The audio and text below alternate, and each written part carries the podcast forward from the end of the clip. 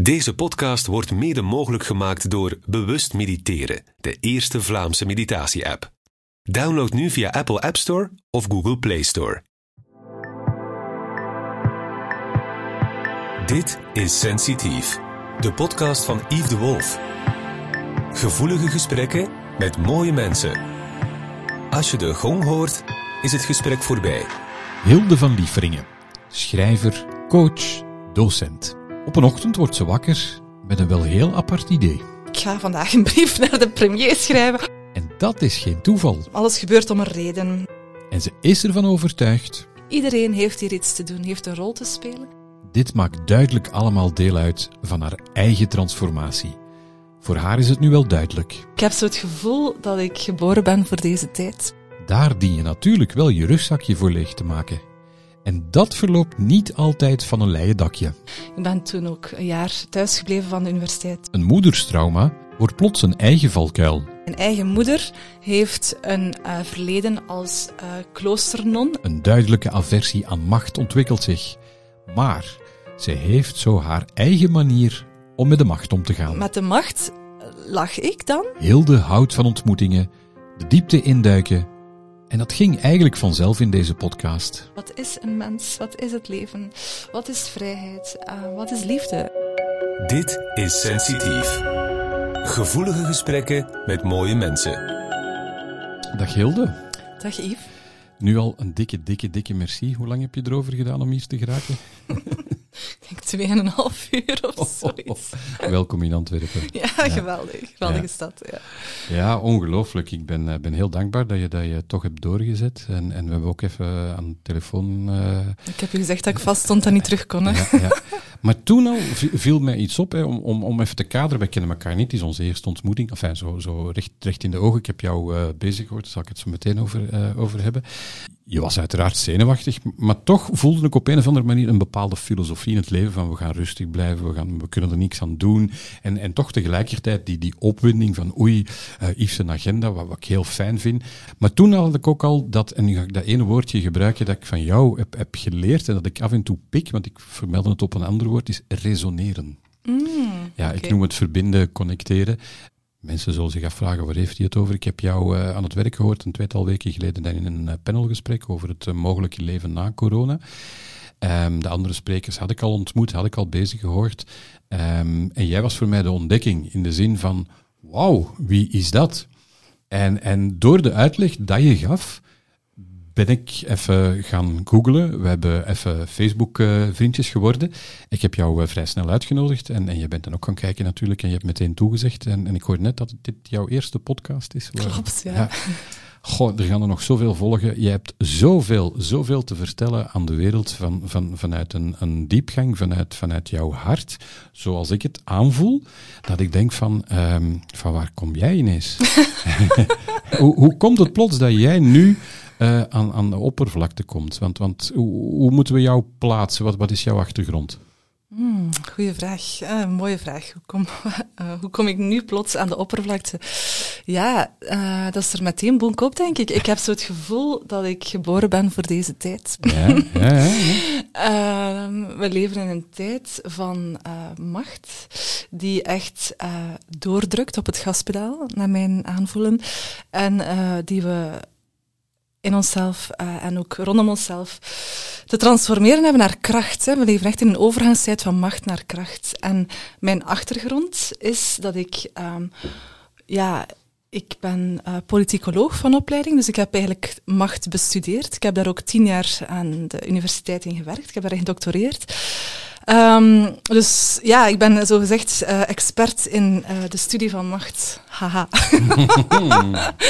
Eh, daarvoor had ik ook nog een opleiding als vertaler, dus ik ben ook taalkundige. Maar dat had ik zo opzij geschoven, niks mee gedaan. Dan ik ga nog iets inhoudelijks studeren. Nou ja, ik ga, ik ga nog Polasok doen. Kennis. Kennis, ja, inderdaad. Dus dan heb ik eh, macht bestudeerd, ja. En zat ik helemaal mee in eh, die wetenschappelijke terrein. En eh, zonder ja, mij ook maar ergens aan te ergeren of ergens vragen over te stellen. Alles ging goed, alles was fantastisch en wetenschappelijk. En dan tot op een bepaald moment, in 2011, dat macht mij op een andere manier die zich op een andere manier aan mij toonde binnen de universiteit ehm, door een, ehm, en dat is meteen heel persoonlijk, maar door eigenlijk een geval van grensoverschrijdend gedrag ehm, van een prof die ja, dat mij volledig letterlijk bij de kraag heeft gegrepen. En waar ik echt compleet ben door ingestort. Ik ben toen ook een jaar thuisgebleven van de universiteit, van mijn werk.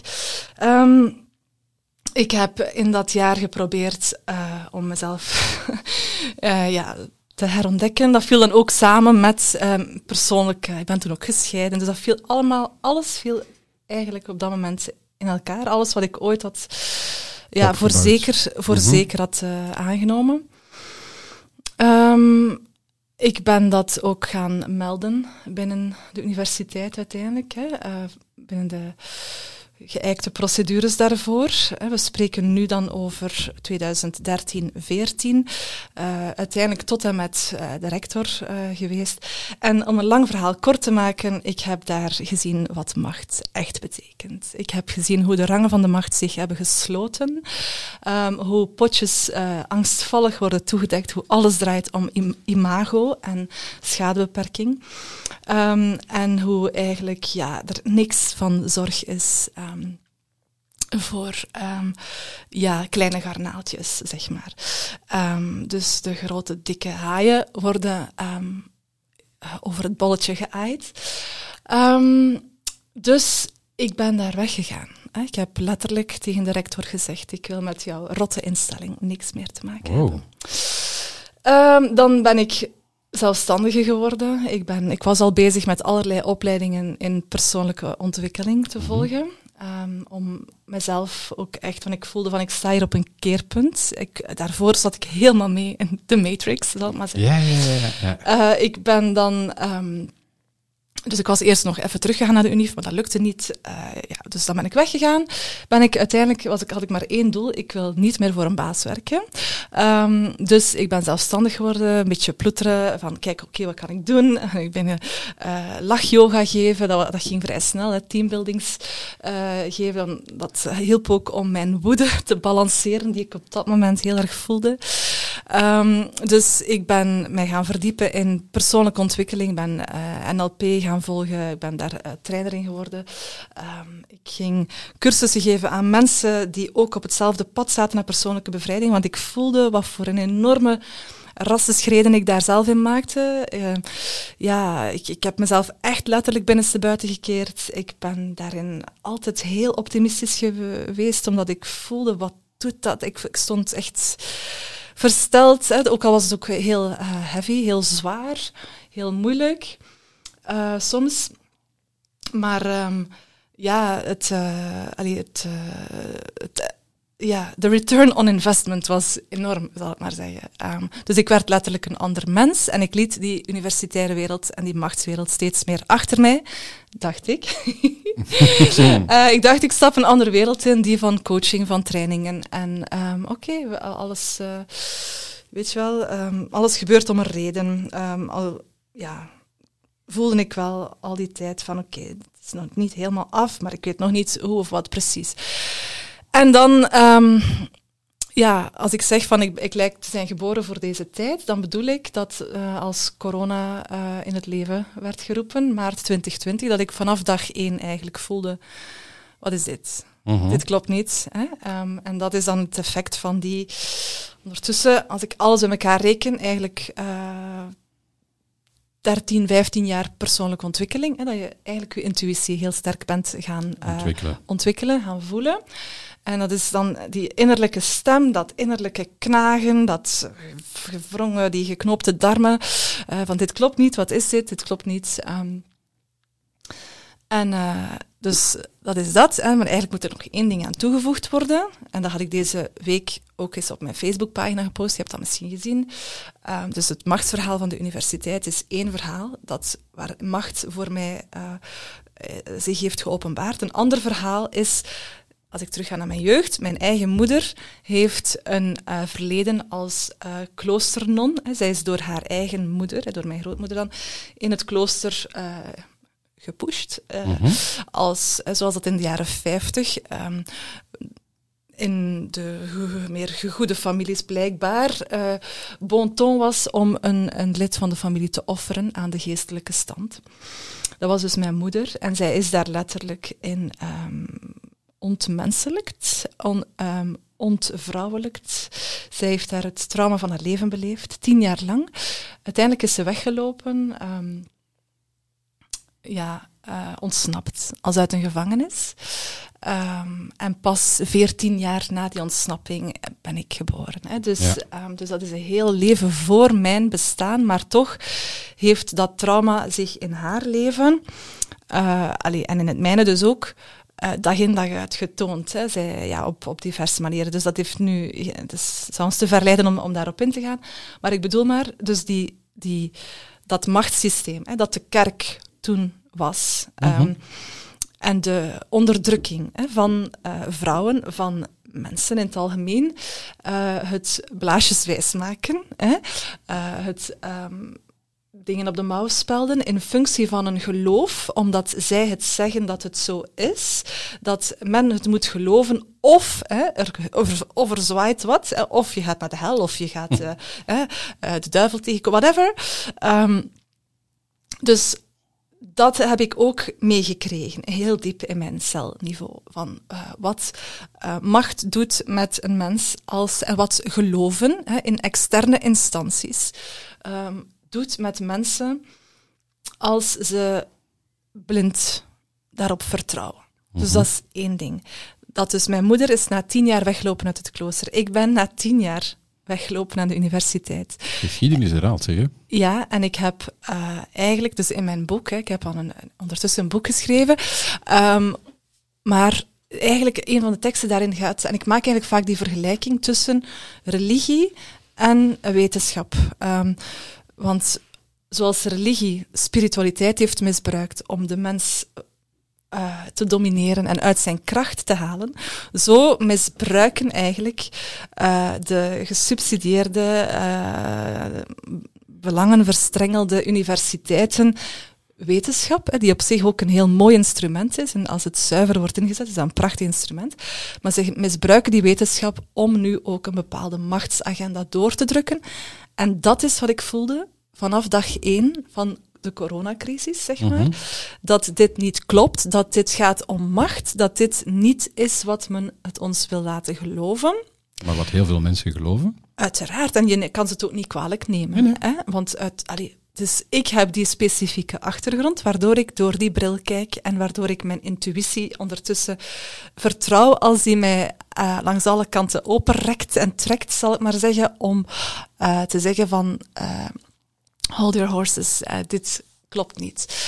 Dus, um, en dan ben ik, als je dan, hè, van hoe, waar ben ik dan opgedoken? Ik ben vanop, vanaf dag één, um, heb ik gevoeld van dit klopt eigenlijk niet, zoals ik zei, maar um, ik ben dan op mijn Facebookpagina al vrij snel daar dingen over beginnen posten en begin volledig afgemaakt door mijn, uh, ja, mijn entourage, maar gaandeweg is dat zo uh, ja, beginnen shiften. Ik heb ook al vrij snel in december 2020 een brief naar Alexander de Croo geschreven. Ja, vertel daar eens over. Ja, dus ik heb uh, allee, op een bepaalde woensdagochtend stond ik op en ik dacht, ik ga vandaag een brief naar de premier schrijven om hem op uh, zijn ja, um, zijn democratische plichten te wijzen. En ik, heb hem zo'n soort lesje in democratie gegeven. Die brief staat ook in dat boek gepubliceerd trouwens. En zijn antwoord daarop, want hij heeft daarop geantwoord. Die brief is ook duizenden keren gedeeld toen op Facebook.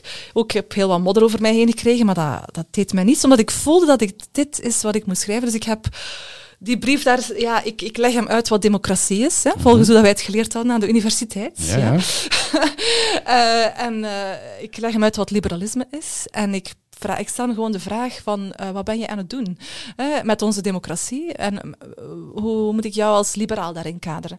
En waarom doe je dit? Hè? Dus in naam van wat? Want dit is voor mij niet duidelijk. Dus je, hebt het, je bent als... Um, als, ja... Um, politicus ben jij onze dienaar, hè? niet onze leider. Dat is in de, allee, de definitie van democratie. Gaat, is, allee, is het uh, de bedoeling dat het volk zijn uh, leiders kiest om hen te dienen, hè? Ja, ja. Maar, en niet om macht en onderdrukking erover uit te voeren, uit te oefenen.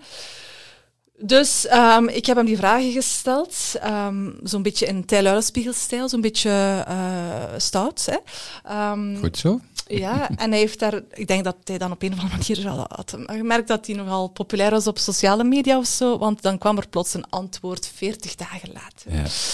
En dan dat antwoord zat vol met platitudes van ja, maar dit is een noodtoestand en dus dit is uh, uh, belangrijk dat we allemaal samen. Hè, ja. Dus het hele uh, gekende narratief. Ik heb daar dan nog eens op geantwoord, nog een brief teruggestuurd, maar helaas is die niet meer beantwoord geweest. Maar dus die brief, dan, dan zeg ik van oké, je zegt een noodtoestand, het zal wel.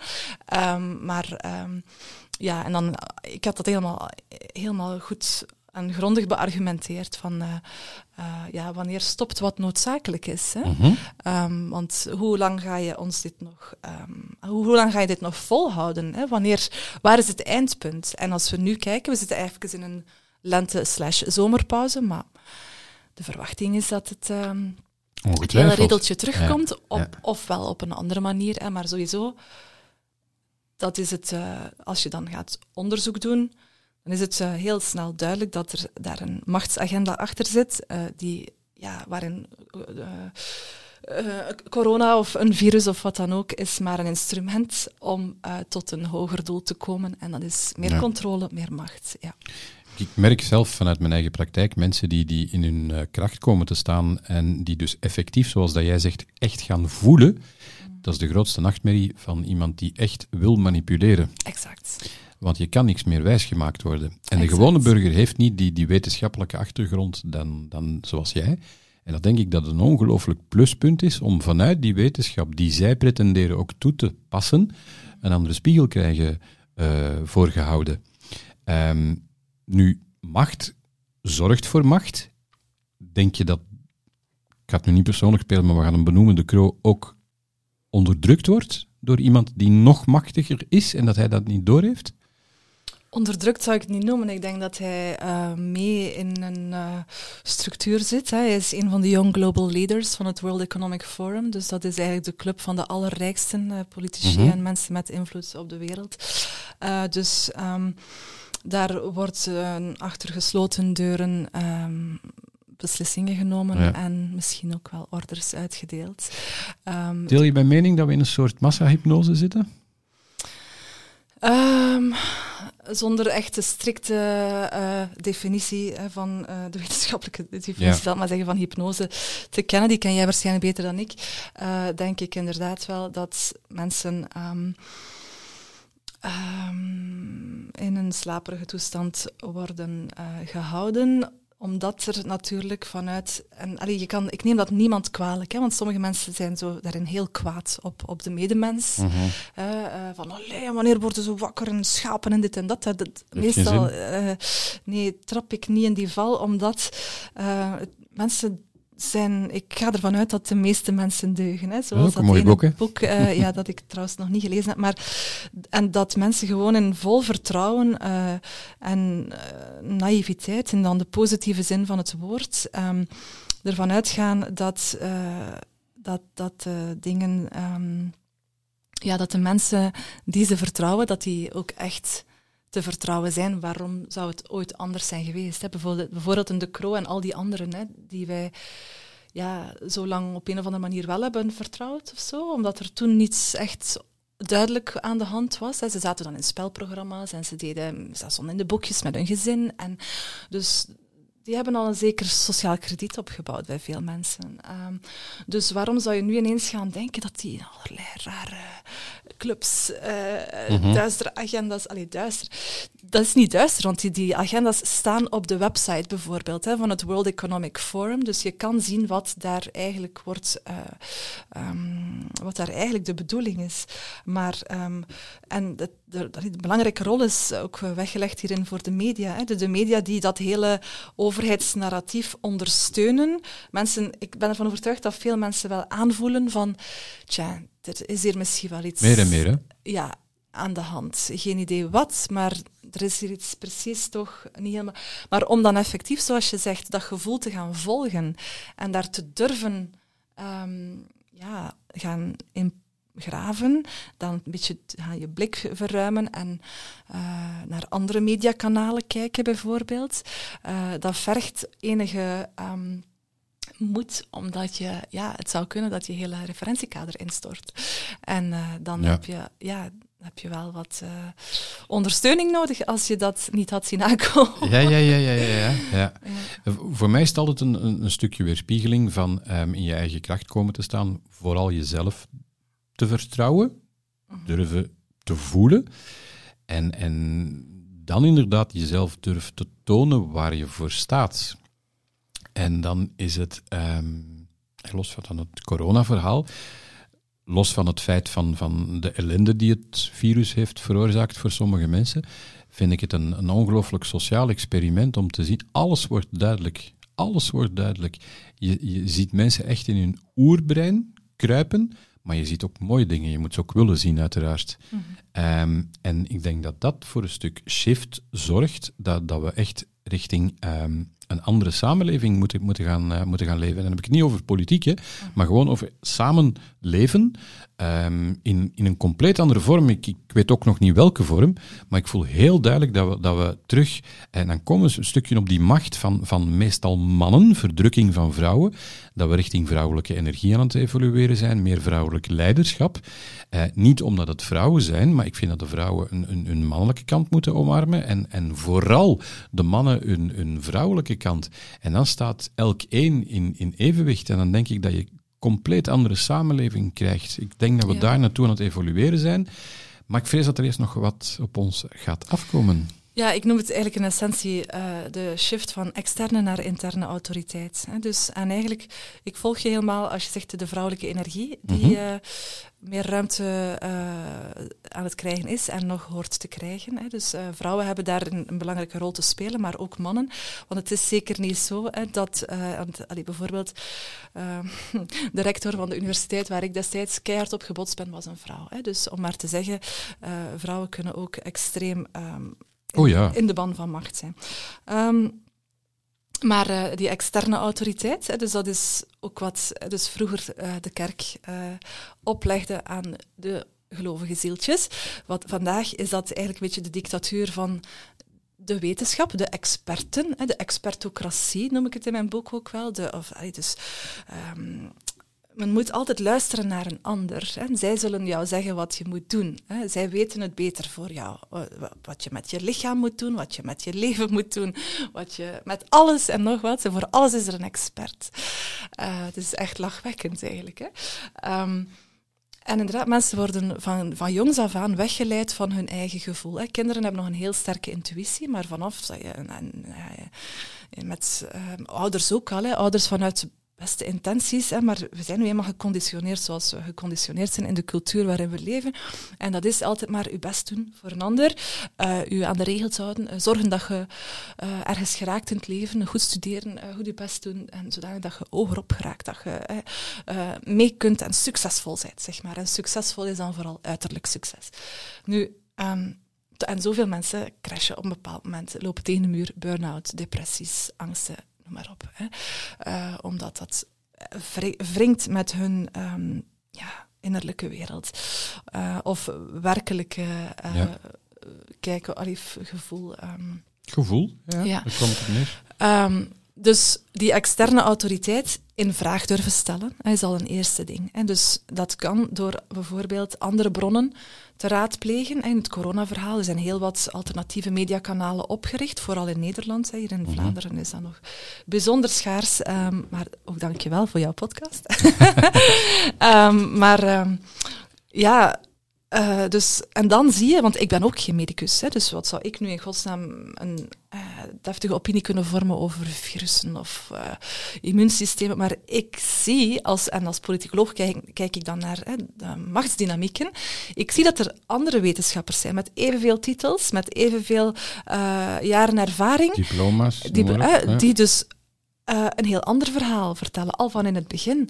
Uh, professoren, emeriti, uh, noem maar op. Hè. Dus het hele gamma, ook in diverse disciplines, gaande van vaccinologen tot immunologen tot virologen, ehm, met soms veel ruimere ervaring. Ik denk aan Geert van den Bossen met een mhm. multidisciplinaire ervaring. En die mensen worden weggezet, die worden weggelachen, uh, die worden uh, niet beluisterd, die worden soms ontslagen. Hè. Kijk naar Sam Brokken. Dus um, en dan ga ik mij vragen stellen. Dus wat is er aan de hand met die externe autoriteiten? Waarom moet dat hier uh, angstvallig in een clubje gehouden worden uh, waar blijkbaar mhm. geen uh, way out is? Um, en dat is wat het alarmbelletje moet doen rinkelen. Um, bij mij is dat eerst intuïtief gekomen, dan nadien die informatie opzoekende, dat is dat gewoon rationeel bevestigd geworden. Maar het kan ook omgekeerd, hè, dat je dus eerst gewoon gaat uh, zoeken en dat je dan merkt van, tja, klopt iets niet.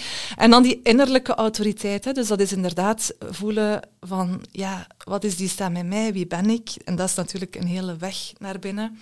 Dat is één aspect, hè, dus die weg naar binnen ontwikkelen. En dat is eigenlijk het belangrijkste aspect in mijn ogen. Daarnaast is er ook, omdat je zegt, de nieuwe samenleving, hoe zal die er gaan uitzien? Ik denk, en ik niet alleen, veel meer lokaal. Hè. We zullen van die globalisering terugkomen naar een lokalisering. Mhm. Ehm, veel meer uh, op een intermenselijke interactie, een uitwisselingsniveau terug. Uh, ik denk dat we echt terug naar kleinschaligheid. Uh, Vind je ook niet dat er op een bepaald moment, um, door, door het innerlijke werk dat jij hebt gedaan om, om persoonlijke groei, dat je pas dan stappen kunt zetten, de stappen die jij nu zet, ik denk dat er heel veel mensen, en ik bedoel het echt niet denigrerend of neerkijkend op, maar er zijn gigantisch veel mensen nog geblokkeerd die in de knoop liggen met zichzelf, die het soms ook nog niet doorhebben. Maar iedereen die in zijn kracht begint te staan en, en durft te praten, die gaat op, op zijn of haar domein inderdaad even een visje gooien van hé, hey, er klopt hier iets niet. Mhm, mhm. En, en ik denk dat het vooral het bewustzijn bij, bij de persoon zelf, bij het individu, je bent enkel verantwoordelijk voor jezelf en je moet je verantwoordelijkheid durven opnemen in plaats van als een schaapje mee te lopen. Mhm. en, en daar begint het volgens mij.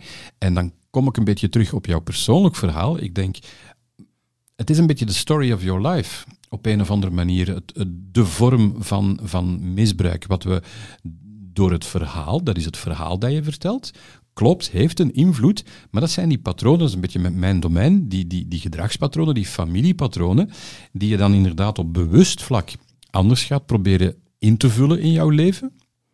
En, en ik ben nu geen therapeut, ik ben mm, benieuwd. doe maar hoor, ik ben maar, helemaal dan ga, je, dan ga je op een bepaald moment zeggen van, ah, ik ga, ik ga het lekker anders doen dan, dan wat mijn moeder heeft meegemaakt. Maar uiteindelijk, vreselijk op de boodschap, maar trap je in dezelfde val. Tuurlijk. Ja, ja en dat is de wake-up call.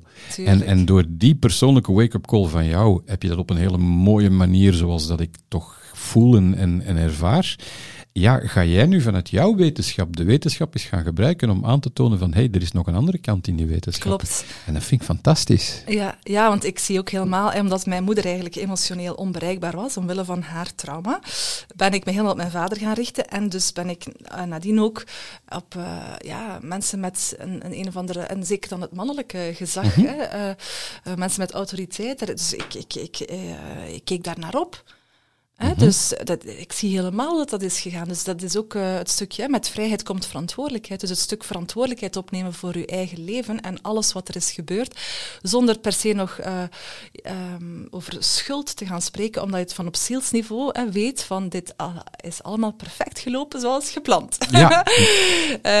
ja, emotioneel is dat soms een ander paar mouwen, hè, maar op, op een hoger niveau weet je dat, dat dat eigenlijk allemaal klopt, omdat dat ik voel het ook aan de kracht die ik nu voel in deze tijd, hè, waar ik veel mensen zie struggelen en, en spartelen om te durven spreken, spreek ik met een zekere onbevreesdheid in mhm. deze tijd. Hè. Dus ik heb ook mijn teksten op Facebook, hè, dus die, ik merkte hoeveel mensen ik daarmee kon uh, bereiken, beroeren ook, zonder dat dat ooit mijn intentie was. Ik schreef eigenlijk vooral om dingen uit mijn systeem te schrijven, om gewoon mijn gedachten te zeggen. Beetje therapeutisch. Ja, en om, om, maar ook om, om dingen aan te kaarten. Ik heb eigenlijk altijd um, ook heel... Um, allee, zit eigenlijk verschillende focussen in. Er is zo een, een focus naar de macht en die ben ik eigenlijk altijd aan het uitlachen.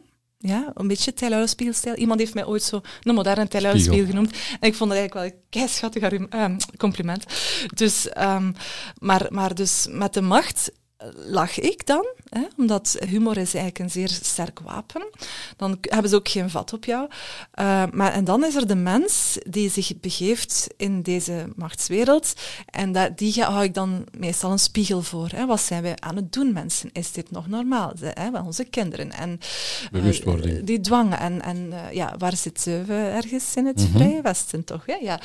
Um, dus bewustwording um, en dan ook een soort, ook een soort beetje reflectie, filosofie over wat is dat eigenlijk het leven? Wat is een mens? Wat is het leven? Wat is vrijheid? Uh, wat is liefde? En al dat soort zaken die, ja... Wat is liefde voor jou? Liefde uh, is met een grote L. Uh, die, ja, dat is het, het leven zelf eigenlijk. Um, wat is liefde? Wie of wat zie jij het liefste? Het, uh, het leven zelf. En dat is, ja, oh man, moet ik eens even nadenken of, dat ik dat moet uitleggen. Um, mm, liefde is overgave aan wat er is.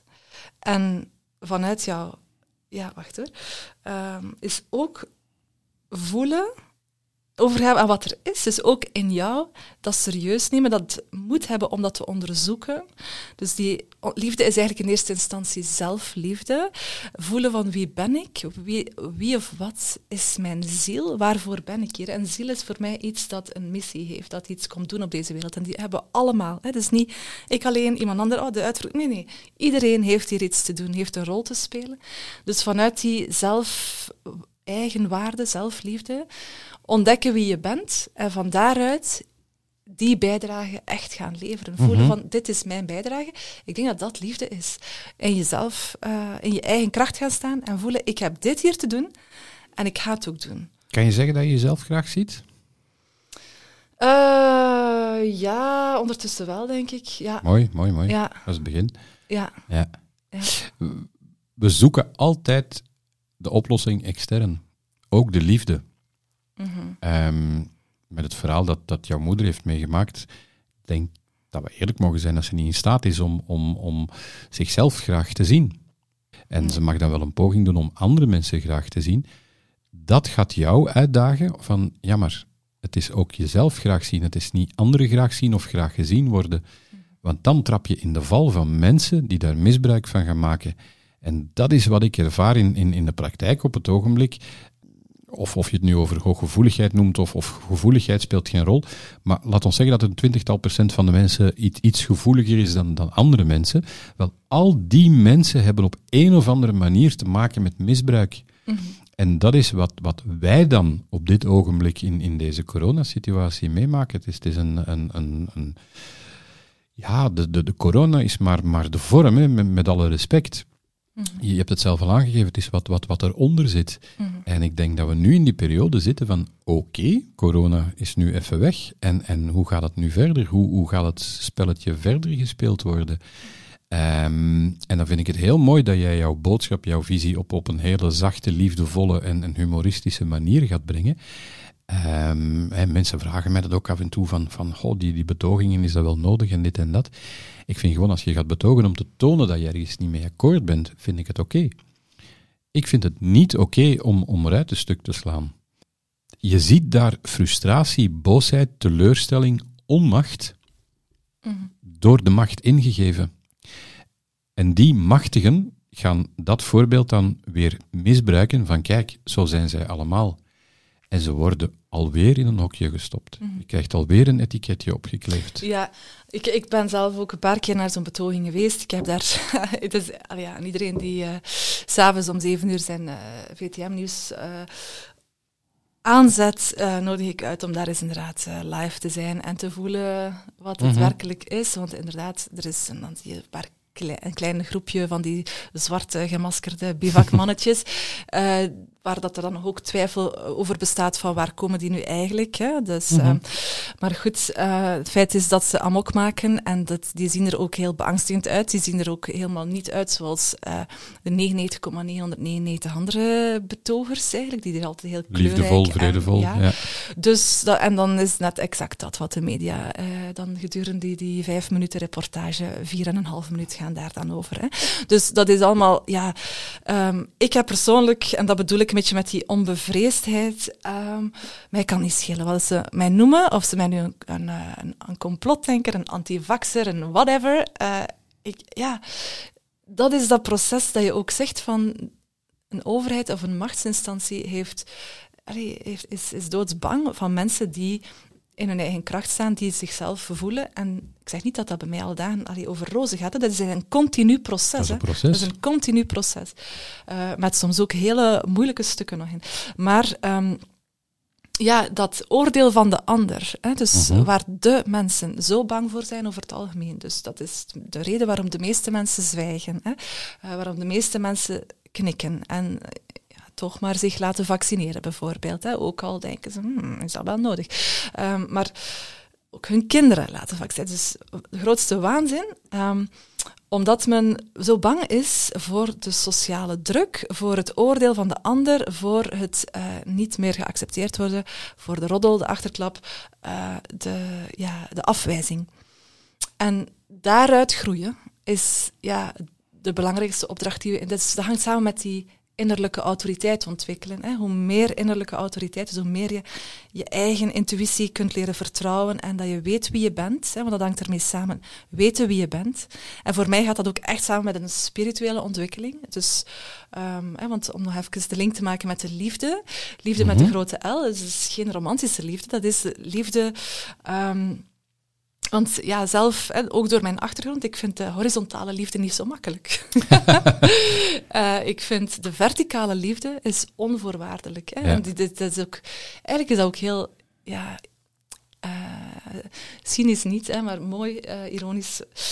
Dat is pas op latere leeftijd en ook sinds, sinds corona dat dat eigenlijk ik was altijd wel, uh, de, sinds mijn weg in persoonlijke ontwikkeling, Um, ook door waar ik dat gevolgd heb, werd ik altijd wel een stukje al met spiritualiteit in contact gebracht. Dus dat was dan zo het, het universum. En, en dus zonder dat daar een of andere um, ja, christelijke of wat dan ook uh, connotatie werd aan gekoppeld, want daar was ik als de dood voor. Hè. Omwille van mijn achtergrond en mijn moeder had ik een, en nog altijd een viscerale afkeer van de kerk en al wat dat daarmee samenhangt.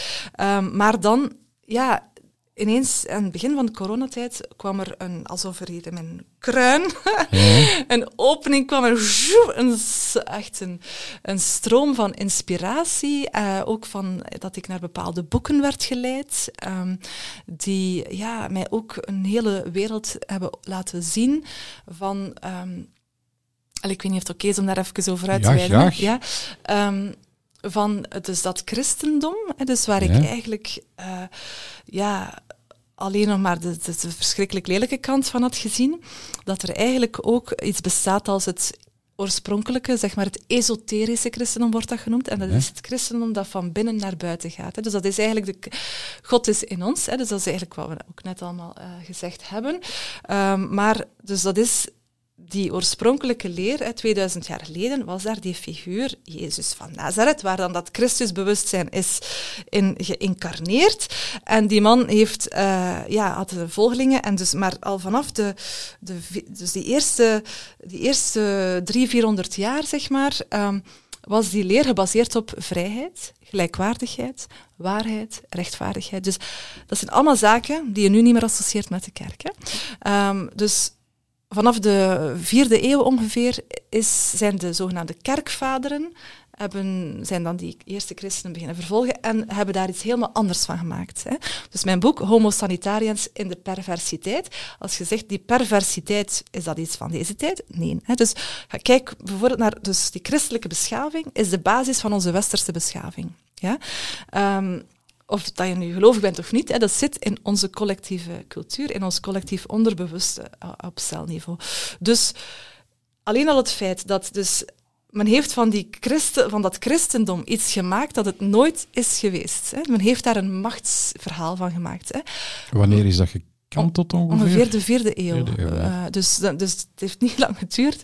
He, dus men heeft daarin, en, en wat, al wat daarna is gevolgd, is een verhaal van vrouwonvriendelijkheid, van onderdrukking, van uh, angstcreatie, dreigementen, van een strikte, strakke, uh, samenleving organiseren. Hè, dus hier waar dan mijn moeder nog hè, mee in de, de, dus de, ergste periode heeft ge, meegemaakt. Dus die, die uitwassen hè, tot, tot en met het onderwijs, in alle domeinen, de politiek, alle domeinen waren onder de knoet van die. Um, van die, ja, die, die, die, die, die, die, kerkelijke dictatuur. Maar als je dan en daarom is het eigenlijk zo ironisch dat net ik, hè, dus, en misschien ook net, dat moest ook zo zijn, hè, dat, dat ik net om, uh, door die achtergrond nu uh, ook ja, die inspiratie krijg van, maar wat is dat eigenlijk het christendom? Want, en dat is, dat is waarom het te pervers is. Hè. Mhm als je daar kan voor openstellen, of het nu christendom is, dat heeft niks eigenlijk met, met katholicisme te maken. Dus dat heeft, dat is, of dat dan nu eender welke andere religie, het gaat om eigenlijk Christus-energie, de Christus-bewustzijn, dat is een universele energie. En daar zit, daarin zit de grootste kracht die een mens zich maar kan inbeelden. Dat is mhm. die innerlijke kracht. Dat is die kracht die uh, onvoorwaardelijk ja, jou elke dag opnieuw vult met energie, met um, vertrouwen, met overgave, wat er ook gebeurt. Um, en dat bedoel ik met liefde. Hè. Dus dat is een heel, um, ja, dat de liefde is vertrouwen. Vertrouwen in het leven, maar wetende van oké, ik, ik ben hier niet alleen. Hè. wij zijn hier ook onzichtbaar omringd. Verbonden. Verbonden, ja. En, uh, en daar worden wij eigenlijk van in het begin van onze geboorte en al heel het onderwijssysteem en alles wordt daarvan afgesneden. En um, het is ook 2000 jaar geleden en langer ook al voorspeld dat deze tijd waarin we nu leven, dat dat een eindtijd is. Hè, dus een eindstrijd ook, waarin dat die liefdesenergie en die machtsenergie die al die eeuwen de mens heeft um, gedomineerd, tot een finale clash uh, zouden komen. En vanuit dat perspectief, dat op een of andere wonderlijke, zogenaamd toevallige wijze, hè, ook in, de, in het begin van de coronatijd, um, via allerlei boeken die ik de een na de ander heb verslonden, uh, op mijn pad is gekomen, werd voor mij de, de puzzel volledig uh, in elkaar gepast eigenlijk. Dus dat ik dacht van, ja, dat, dat is het wat, wat er hier aan het gebeuren is. Dus het is logisch dat de macht zo uh, pervers gaat doordrukken. Want um, we zijn nog niet aan het einde, of we zijn nog niet aan het einde van ons Latijn, of nog niet aan de nieuwe patatjes, denk nee, ik. Nee, nee, nee, nee, nee, nee. Zou je het kunnen voorspellen? Wat, denk je dat er nog gaat gebeuren? Nee, ik kan dat niet voorspellen. Nee, uh, nee. nee ik, ik, denk gewoon, en dat doet er eigenlijk ook niet toe. Ik denk, ja, laat maar komen. Laat ja, maar komen. Je bent ik, sterk genoeg. Ja. Wel, ik, ik, ben sterk genoeg. Ik ben soms ook wel, ik heb ook een zoon, hè, uh, een tiener. Dus um, ik denk, alle mensen met kinderen, die krabben zich wel eens in het haar. Hè. Dus uh -huh. uh, voor mezelf, I don't care. Um, maar natuurlijk, als je kinderen hebt, dan... Um, maar goed, ik, ik ga er ook vanuit, ook zij zijn hier zij hebben ervoor gekozen om in, in, deze tijd te leven. Hè. Dus, um, en Zij worden geïnspireerd door een geweldige moeder. Eentje, maar ik heb ja, inderdaad. Ik, ik, probeer ja, ja, hem wel een stukje mee te geven. Zijn papa staat daar een beetje anders in, maar dat is ook wel uh, oké okay dat hij die twee kanten meekrijgt. Dus hij heeft ook twee kanten in zich. Uh, ja, ja, ja, ja, ja, Kan ook confronterend zijn als moeder. Ja. ja. Hoe, hoe, ga je er dan mee om? Hoe... Uh, kan je dat loslaten? Kan, kan je, probeer je uh, inpraten is verkeerd? Probeer je hem gewoon te inspireren door je eigen ding te doen? Of, of? Ja, daar schiet ik soms wel uit de bocht. Hè. Dat voel ik, hè, dat ik het heel graag zou willen controleren en denken... Ah, loslaten, loslaten. Ja, ja, ja. En, en dat was in het begin vooral zo. Hè, want toen, dat was, ja, in het begin was hij, ja, hij was pas twaalf jaar. Hij moest zijn middelbare school gemaskerd beginnen en hij heeft bijna het hele jaar hè, gemaskerd ja, dat jaar moeten uitzitten. En ik vond dat zelf verschrikkelijk, omdat ik er echt allemaal geen snars van geloofde. Dus dan zie je die kinderen, oh, en je weet wat conditioneringen doen, je weet -hmm. wat, uh, zo, ja, dat is letterlijk indoctrineren. Hè, en dat, op dat diepe celniveau, dat gevoelsniveau, uh, angsten installeren. En die leerkrachten doen daar dan ook uh, allemaal mooi mee en zo, de meeste toch. Fameus testje dus, voor mama Hilde. Een zeer fameus testje, maar ik ben allee, uh, wel gewoon... Ik heb dat op dat panelgesprek ook als voorbeeldje gegeven. We liepen dan een keer in Gent door de Veldstraat en de pijltjes op de grond toonden allemaal dat we uh, aan de ene kant van de straat moesten lopen. En de mensen deden dat en wij liepen tegen de richting in en mijn zoon was super gegeneerd. Ja, mama, mama, we, lopen, moeten aan de overkant lopen. Ik zeg, ja, doe maar, hè, maar ik loop hier goed. en dus zo, allee, doorgaandeweg die burgerlijke ongehoorzaamheid gewoon heel normaal uh, ja, aan hem te blijven tonen.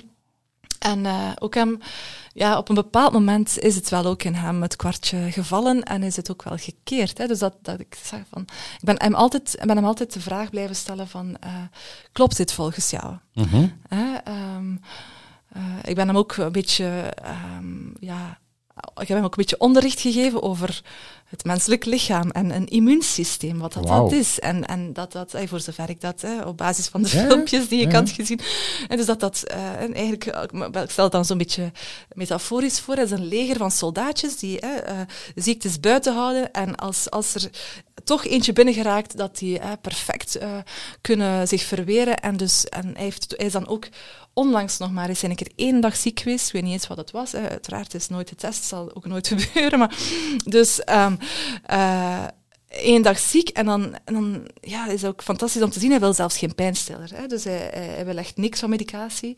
Um, en dan vroeg naar bed, lepeltje honing en s ochtends fris en mond er weer op. Dus Ja.